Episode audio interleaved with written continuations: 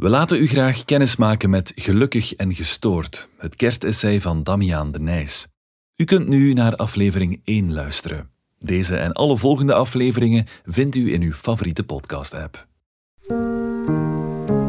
Elk jaar denken schrijvers op vraag van de standaard diep na over hun wereld.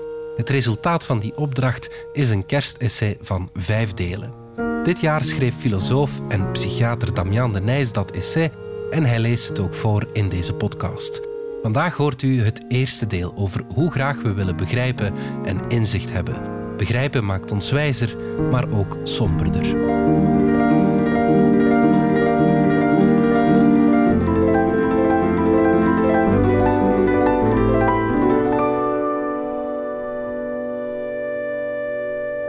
Nooit heb ik iemand ontmoet die verzaakt aan begrijpen. Hoe gezond of ziek de ander mag zijn. Zelfs tijdens manische buien, diepe depressies, beklemmende obsessies, angstwekkende wanen of bevreemdende hallucinaties blijft het verlangen naar begrip overeind. Wie ben ik? Hoe is de ander? En wat betekent de wereld? Zelfs al voelt men zich door iedereen onbegrepen, is de dood nabij of dreigt de wereld te verdwijnen, dan nog gloeit een laatste vonk naar begrip. Waarom? vragen mensen op hun sterfbed. Begrijpen is een levensnoodzakelijke behoefte en toch wordt ze stevast verwaarloosd. Misschien omdat ze enkel de geest en niet het lichaam staande houdt. Door te begrijpen weef ik een netwerk aan betekenissen door mijn leven. Eigenlijk me een verzameling aan inzichten en denkbeelden toe die me helpen om mijn indrukken te interpreteren ervaringen met anderen te delen en plannen te formuleren waardoor ik toegang krijg tot mezelf en de wereld. Betekenis ontstaat vooral wanneer ze verloren dreigt te gaan. Tijdens momenten van crisis, oorlogen, natuurrampen en epidemieën een kantelt de uitnodiging tot betekenis tot een gebod aan betekenis. Hoewel we met begrip de werkelijkheid veroveren en ons leven betekenis geven, gaat de verrukking van het inzicht vaak gepaard met ontgoocheling en ontmaskering. Begrijpen maakt ons wijzer, maar ook somberder. Psychologen spreken in wandelgangen over depressief realisme. Mensen met een depressie schatten situaties nauwkeuriger in. Ze hebben een realistische kijk op de werkelijkheid, omdat ze minder worden beïnvloed door de optimistische bias van reguliere stervelingen die de wereld in een positiever daglicht zien dan gewettigd. Terecht moet men zich afvragen wat normaal of abnormaal is. Wie een poging waagt om de samenleving te begrijpen, zal ervaren dat inzicht zonder omwegen tot ontevredenheid leidt. Nooit zijn we zo vrij geweest en nooit hebben we ons zo machteloos gevoeld, schrijft filosoof Sigmund Bauman over onze hedendaagse vloeiende tijd. Misschien moeten we ons bij neerleggen dat de westerse mens zich nu eenmaal ongemakkelijk voelt in de samenleving. Ooit was cultuurpessimisme een cynische karaktertrek van rokende intellectuelen, maar nu leeft bij iedereen een gevoel van ontreddering. Zeker rond de jaarwisseling klagen mensen bij het koffieapparaat dat het allemaal de verkeerde kant op gaat. Maatschappelijk onbehagen wordt omschreven als de latente bezorgdheid onder burgers over de precaire staat van de samenleving. Een lastig te doorgronden, maar duidelijk herkenbaar ervaring van onbeheersbare verslechtering. Ik herinner me nog begin jaren tachtig het neergeslagen sentiment van de collega's, in contrast met de lichtvoetigheid van kapitein Zeppos uit de jaren zestig. Niemand weet waarom de samenleving onbehagelijk voelt, behalve de strategische coaches van leiderschapscursussen. Ze hebben het acroniem VUCA omarmd om de wereld te duiden voor de deelnemers van hun cursus. Door het Amerikaanse leger geïntroduceerd in 1987, beschrijft VUCA de ervaring van volatiliteit, onzekerheid, complexiteit en ambiguïteit van de context waarin we leven. Volatiliteit duidt op de dynamiek en snelheid van veranderingen. Onzekerheid op het gebrek aan voorspelbaarheid en de kans op verrassingen. Complexiteit op de verwarrende veelheid van krachten en het gebrek aan heldere causaliteit. En ambiguïteit op de diversiteit aan interpretaties van de werkelijkheid en het veelvoud aan onhelder betekenissen. Is de wereld ooit anders geweest? Hebben we niet eerder het geloof in cultuur verloren, in wetenschap, religie en kunst, om orde in die chaos aan te brengen, dan dat we door evolutie onverhoeds in een VUCA-wereld zijn beland? Anders dan vroeger laat de huidige maatschappelijke malaise de individuele ziel niet onberoerd. We hebben er last van. Het maatschappelijk onbehagen gaat gepaard met psychisch lijden. Al jaren maakt de Vereniging van Jeugdartsen zich zorgen om de toenemende stress bij middelbare scholieren. Schoolpsycholoog Gesina Topper verheldert. Ze kunnen de spanning, de druk of de planning niet aan, vaak in combinatie met andere problemen of zorgen.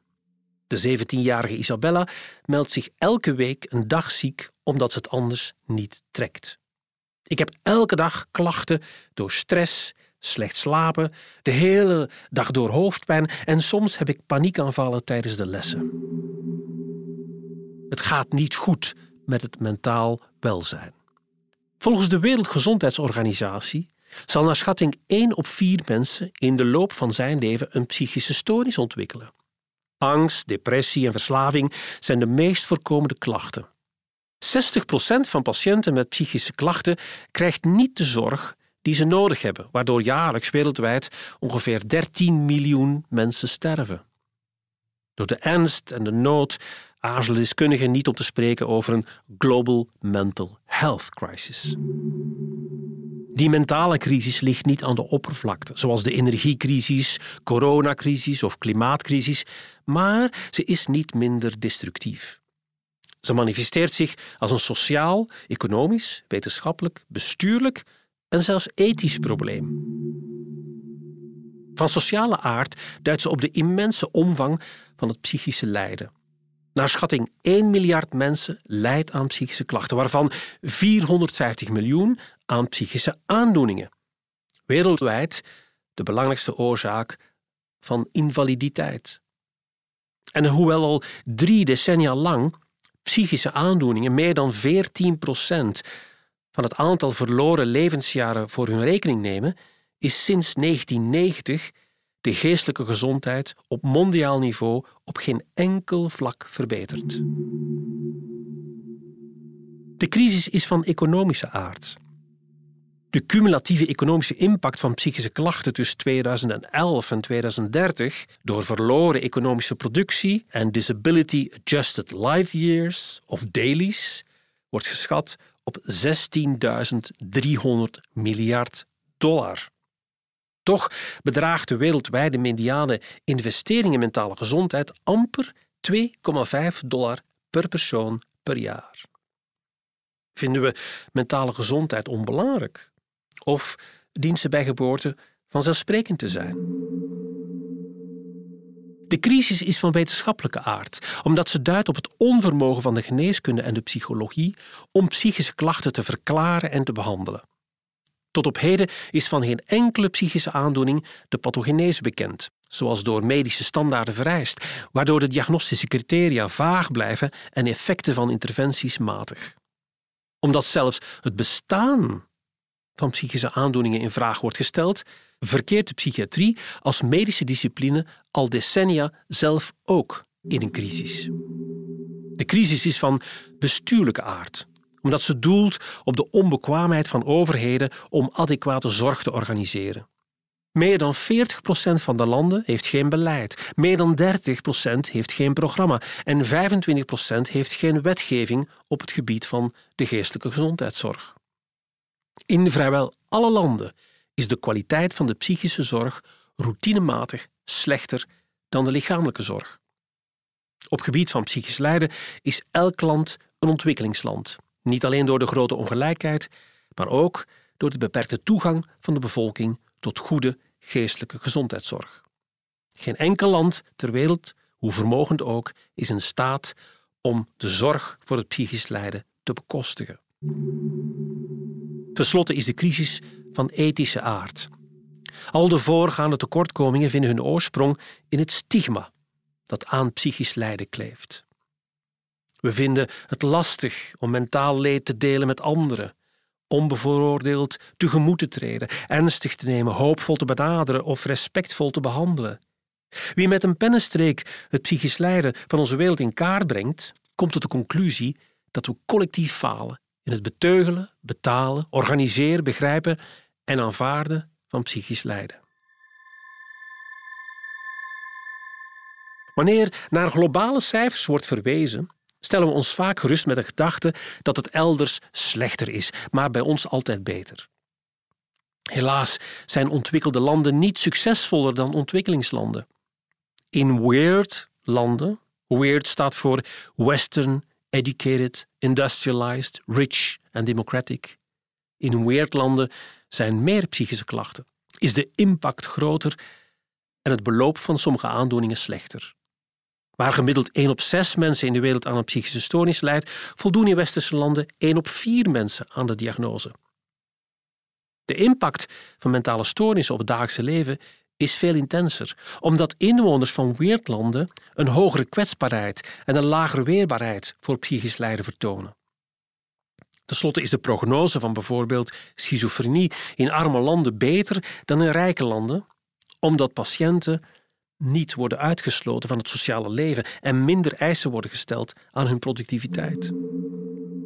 Uiteraard worden psychische klachten in arme landen ondergerapporteerd, omdat er mindere voorzieningen zijn ze adequaat te meten. En uiteraard is een minimale levensstandaard nodig om zich überhaupt te kunnen veroorloven zich te bekommeren om mentaal leed. Wie dagelijks naar water en voedsel moet zoeken, heeft andere zorgen dan de paniekaanvallen van de 17-jarige Isabel in de schoolklas. Om het falen van weerdlanden te illustreren kan Nederland als voorbeeld dienen. Nederland besteedt jaarlijks het hoogste budget als percentage van het nationaal inkomen in Europa aan geestelijke gezondheidszorg. Er is bij tijden zoveel geld dat het niet kan worden uitgegeven. Eén op zes werknemers in Nederland werkt in zorg en welzijn. Niet zonder reden is Nederland trots op zijn gezondheidszorg. Onze zorg behoort tot de beste van Europa, stond recent in het regeerakkoord. Toch is het aantal volwassenen met psychische aandoeningen in de afgelopen 12 jaar gestegen van 17 naar 26 procent. En voldoet bijna 40 procent van de jongvolwassenen aan de criteria van een stoornis. Jaarlijks staan 90.000 patiënten op de wachtlijst voor zorg.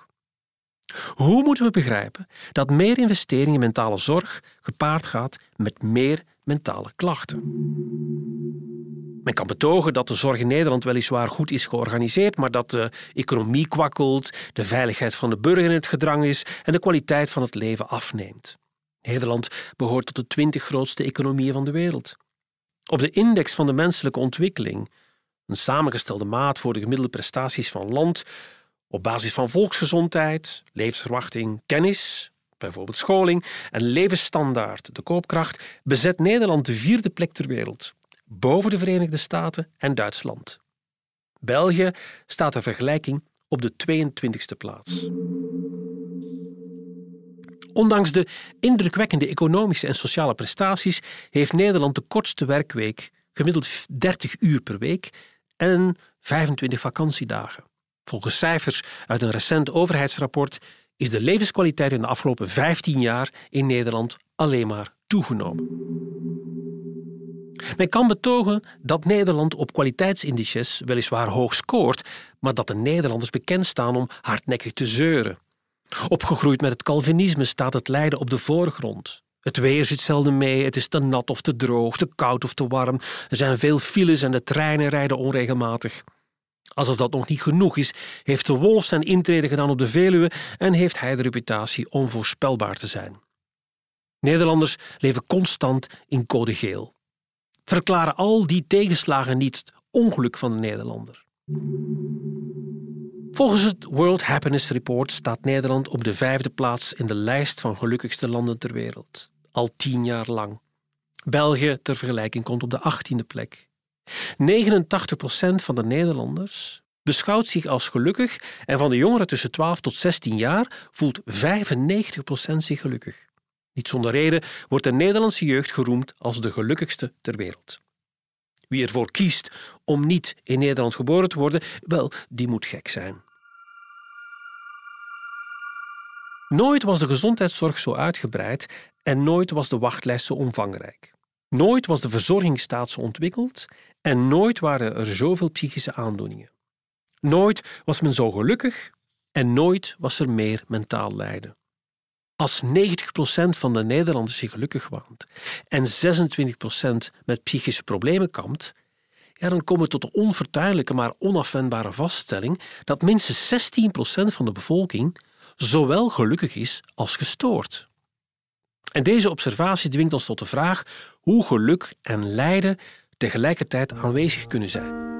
Hoe kijken we tegenwoordig naar geluk en naar lijden? Hoe beleven we geluk en lijden? Morgen buiden we ons in het volgende essay over de vraag hoe wij geluk begrijpen.